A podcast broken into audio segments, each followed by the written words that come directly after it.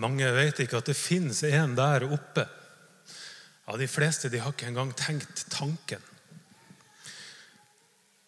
Hvis eh, dere ikke har vært her før, så tror dere kanskje at ok, nå skal han stå her og dundre løs om hvor ugudelig folk har blitt, og snakke om avkristninga av Norge og om farlige muslimer som vi må stenge ute, og vi må bli gudfryktige nok her til lands.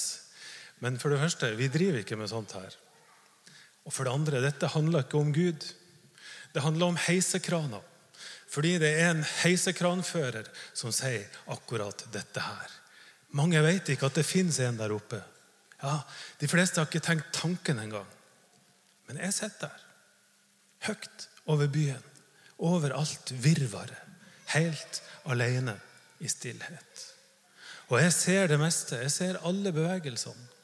Jeg ser hvordan folk sprenger, hvor travelt de har det. Folk er så stressa. Men fra mitt perspektiv så kommer de ikke så langt. Og ikke går det så fort heller. Det er slow motion. Herfra her kan jeg se mange private øyeblikk i folks liv. Jeg har sett mange hemmelige omfavnelser. Og så har jeg sett hvordan voksne folk knekker sammen når de tror at ingen ser dem. Byen ser helt annerledes ut når jeg kommer opp i krana. Ja, livet fortoner seg helt annerledes. henta fra filmen 'The Solitary Life of Cranes'. Tenk å jobbe i heisekran, dere. Åh, det må være så utrolig fint, i hvert fall hvis du ikke har høydeskrekk. Da får man et helt annet perspektiv på livet, bokstavelig talt. Og er det ikke rart at vårt liv, alle våre drømmer, alle ambisjoner, alt vi holder på med, alt vi lykkes med og alt vi mislykkes med, og som tar all oppmerksomhet, her nede. Det blir bare forvandla til en liten prikk når du tar steget opp i ei heisekran. Og er det ikke rart at hvis vi kommer høyt nok opp, ja, så beveger sjøl Usain Bolt seg i slow motion. Kanskje det er på tide å slakke ned tempoet. Det har vært mye oppmerksomhet nemlig de siste årene, par årene i hvert fall, om fenomenet som vi kaller generasjon prestasjon. Altså At unge mennesker røyker mindre, de drikker mindre, det er mindre kriminelle enn før. og alle, alle de greiene der. Men så har de større psykiske problemer. Søvnvansker, bruk masse medisiner og sånt, fordi unge folk møter et så vanvittig press fra alle kanter om å prestere. Og det her kravet om å prestere det starter veldig tidlig. Jeg var forrige helg ikke på, jeg var ikke på Munchmuseet, men jeg var på eh, fotballturnering med ene guttungen min. En turnering for gutter og jenter i alderen 6 til 10 år. Og Der var det masse smil og glede og kjempefine opplevelser og gode og omsorgsfulle foreldre og besteforeldre som vil alt godt for sine barn. Og Av og til så hørte foreldre som spurte du, har du hatt det gøy, eller? til ungen sin. Og som kommenterte å, hvor flink du var til å sentre. Hvor flink du var til å holde posisjonen din. og Hvor flink du var til å bry deg om han som ble skada. Det var en del sånt. Men det spørsmålet som jeg hørte desidert mest, det var Hvor mange mål skåra du? Og Det var ikke ungene som spurte seg imellom, det var foreldrene som spurte sine barn. Hvor mange mål skåra du? Eller kommenterte det som var forbundet med målene som de hadde skåret. Og jeg lurte, sto der og lurte på hva skjer egentlig med en seksåring som blir møtt med et sånt fokus. At målet er det eneste som teller. Og det har det faktisk blitt forska på. Det har blitt forska på hva denne holdninga gjør med oss. Verdens helseorganisasjon sier at stress er den største helsefaren i vårt århundre. 80% av langtidssykemeldinger i Norge er relatert til stress. I Sverige har de gjort undersøkelser og kommet fram til at hver generasjon blir trøttere enn den forrige. Altså Vi blir trøttere og trøttere for hver generasjon som går. Og de som føler seg trøtt og utbrent, det er først og fremst folk under 30. Og er det ikke helt vanvittig at hver fjerde 15-åring i Norge bruker medisiner for at enten kroppen eller hodet skal takle stresset? Og presset som er rundt dem. Hver fjerde 15-åring. Før så ble du gammel og utslitt. Nå så blir du ung og utbrent. Og nå er det russetid. Stakkars folk. Skulle til å si, Nei, det er jo fryktelig gøy. Eh, det ser bare litt slitsomt ut for en gamle, gammel krok som meg. Men i forbindelse med russetida så leste jeg en kronikk i Aftenposten. En ung, sur, gammel mann. Han var ung, da, men så ut som en sur, gammel mann. Som bruker russetida til å skrive om dette temaet. Hør, han sier Hva er det egentlig å feire? Ja, du har fullført 13 års skolegang. Ja, gratulerer til det, liksom. Det er kanskje det første, men det er definitivt ikke det siste kravet verden skal stille til det. Det er nå kampen begynner. Kampen for ei hytte på fjellet, et naust ved sjøen, kanskje en ubrukelig mastergrad i et fag som slutter på ologi. Sånn er kampen for tilværelsen i Norge. Så bare tørk bort russefliret, skriver en som heter Steinar Solås Suvatne. Det er altså et evig kjør, et evig stress om å være god nok. Og En annen overskrift i Dagbladet for ikke så lenge siden var sånn. Det sto 'Hvorfor har mødre alltid dårlig samvittighet?' Svaret er jo ikke at mødre er dårligere mennesker enn andre. Men artikkelen sier at forventningspresset som unge mødre møter, er helt umulig å leve opp til. Derfor får du dårlig samvittighet. Du strekker ikke til. For som mor så skal du være alt for dine barn. Du skal ha en karriere, en interessant og utviklende jobb. Du skal være vakker, du skal være ei attraktiv kone eller samboer. Du skal ha overskudd til romantikk og kjærlighetsliv. Du skal være veltrent, du skal være sosialt aktiv. Du skal ha tid til å følge opp dine foreldre som så smått begynner å bli gammel og skral. Ja, jeg føler meg som et prevensjonsmiddel her det står. Altså, Bli mor det er jo helt uinteressant. Don't go there. altså. Det er jo helt umulig å gjennomføre. Det er et evig kjør, det er et stress som ikke tar slutt. Men jeg sitter der, høyt over byen, over alt virvaret. Jeg ser alle bevegelsene. Jeg ser hvordan folk springer, hvor travelt de har det. Folk er så stressa. Jeg ser hvordan voksne folk knekker sammen når de tror ingen ser. Og jeg er frista til å si 'Så sier Herren'. Og så er jeg frista til å si at Gud spør seg hvorfor gidder de alt dette her. At de gidder. Jeg har et alternativ. Og Jeg vet ikke hvordan dere reagerte, eller dere, hva dere tenkte når dere hørte teksten som Elise leste. Men jeg fikk hvilepuls av den teksten der. Jeg opplevde det som en tekst som gir oss et alternativ til det livet som de aller fleste av oss lever, og som gjør så mange syke. Her er teksten. Omstendighetene rundt teksten er sånn. Det er siste kveld med gjengen. Jesus har vaska føttene til disiplene. De har spist den første nattverden. Og nå er de på vei til Getsemane, en hage. For der skal de be.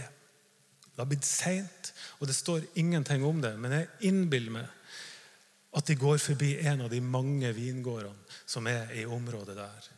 Og så sier Jesus til disiplene Jeg er det sanne vintreet. Min far er vinbonden, og dere er greinene. En grein kan ikke bære frukt av seg sjøl. Den må være på treet. Så bli i meg. Fest dere til meg. Så skal dere bære masse frukt. For uten meg så kan dere ingenting gjøre. Greiner som ikke er festa på et tre, det visner. De dør. De er ubrukelige og blir brent. Men hvis dere blir i meg, ja, da blir jeg i dere. Og Da kan dere be om hva som helst, og dere skal få det. Dere skal bære masse frukt. Hva dere tenker? Blir dere stressa av det der? At det er enda en ting som skal presteres. Et krav om å bli i Jesus. Kanskje noen føler det sånn, jeg vet ikke. Men jeg tror den teksten er meint å ha helt motsatt virkning. At den er meint å gi hvilepuls. For en grein som er festa på et tre, stresser ikke, altså. Den bare henger der. Og Kan ikke annet. Og så tar den imot det som den trenger ifra stammen. Uten at det er noe styr. Ei grein derimot som ikke er fast på et tre, ja, den skjønner hvis jeg er litt stressa. Ok, Åssen skal dette gå? Det går bare én vei. Jeg klarer meg ikke på egen hånd. Det tror jeg den har tenkt hvis den kunne ha tenkt. Og så vet jeg det, at det er mange kristne, sikkert mange i denne salen her også, som har dårlig samvittighet for kristenlivet sitt. Og jeg ber for lite. Må bare innrømme det. Og nå er det fryktelig lenge siden jeg har lest i Bibelen. Det står dårlig til. Og Jeg går jo for så sjelden i kirka, og sånt, og jeg føler jo ingenting for disse greiene her. Og jeg har ikke akkurat snakka med Jesus til folk i de siste årene. Og kanskje tviler mer enn jeg tror. Mange har det sånn. Men hør nå. Det kristne livet er jo ikke et krav, men det er et tilbud om hvile. Det er et tilbud om å feste identiteten vår i noe som er utafor oss sjøl, fordi vi er ikke det vi presterer. Evangeliet gir oss en verdi og en verdighet som er helt uavhengig av om vi sprenger fort eller sakte, om vi vinner eller taper, om vi scorer mål eller om vi slipper inn mål. Det kristne livet er altså et tilbud om å gå inn i en relasjon til Gud som elsker oss uansett. Også når vi mislykkes. Også når vi ikke strekker til. Og det betyr jo ikke Her kan vi hvile. Det er et tilbud om hvile. Og Den hvila betyr ikke at vi bare kan sette oss i sofaen og bli lat. Vi er skapt for bevegelse. Vi er skapende mennesker. Og husk nå det. Jesus og disiplene de hadde det ikke mindre travelt enn noen av oss. Det kan dere være helt sikre på. Altså, Det var full fart hele tida. De møtte folk hele veien. De møtte massevis av syke folk. Lamme, spedalske, blinde som ville ha hjelp av dem. De møtte folk som kom med sine ødelagte liv, og som hadde et desperat behov for å bli sett. De møtte kritikere som skulle ta rotta på Jesus, og de møtte store folkemengder som de skulle undervise. Og I Markus 6 der står det at det var så trøkk, og de hadde det så travelt at de hadde ikke tid til å spise engang.